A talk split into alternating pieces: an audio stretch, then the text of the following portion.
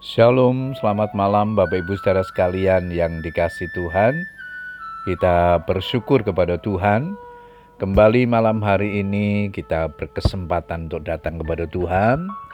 Mari kita bersyukur untuk penyertaan Tuhan setiap hari yang Tuhan sudah lakukan di dalam kehidupan kita.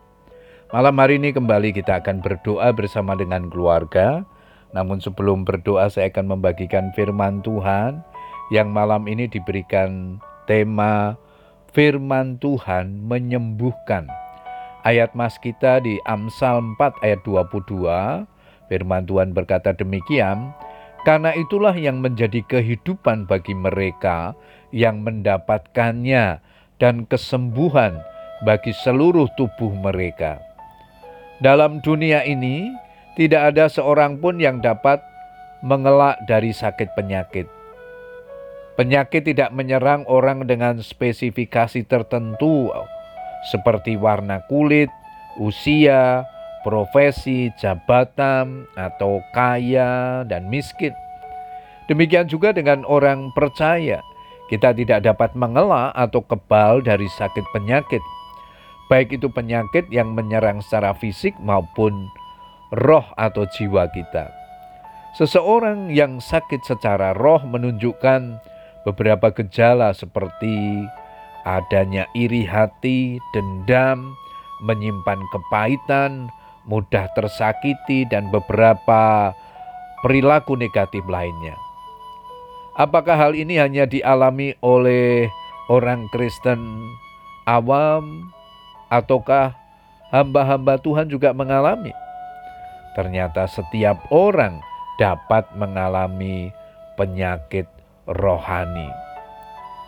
Sesungguhnya Tuhan telah memberitahukan langkah yang kita tempuh supaya kita tidak menderita sakit rohani. Tuhan telah mengatakan di dalam Amsal 4 ayat yang ke-11, Aku mengajarkan jalan hikmat kepadamu, aku memimpin engkau di jalan yang lurus. Oleh karena itu, berpeganglah pada didikan, janganlah melepaskannya. Peliharalah dia, karena dialah hidupmu. Janganlah menempuh jalan orang fasik, dan janganlah mengikuti orang yang jahat. Meskipun kita telah menerima Yesus Kristus sebagai Tuhan dan Juru Selamat kita, semuanya itu akan menjadi sia-sia jika kita tidak menyimpan firman-Nya di dalam hati kita dan melakukannya.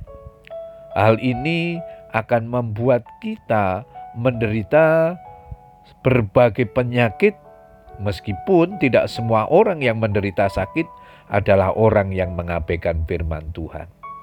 Terkadang Tuhan mengizinkan seseorang mengalami sakit sebagai proses untuk menguji iman dan ketekunannya seperti yang dialami oleh Ayub.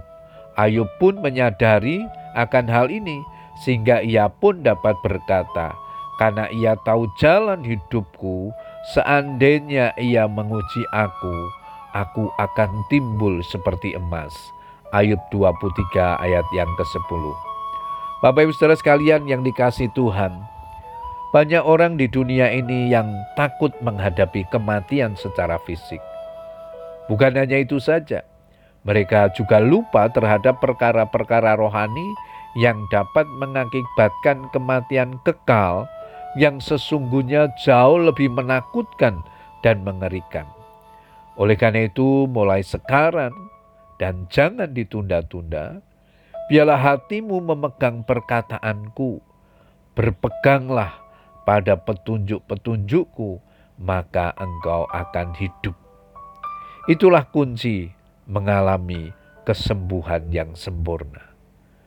Firman Tuhan itu sangat kuat dan menjadi hidup dan penyembuh bagi mereka yang melek padanya.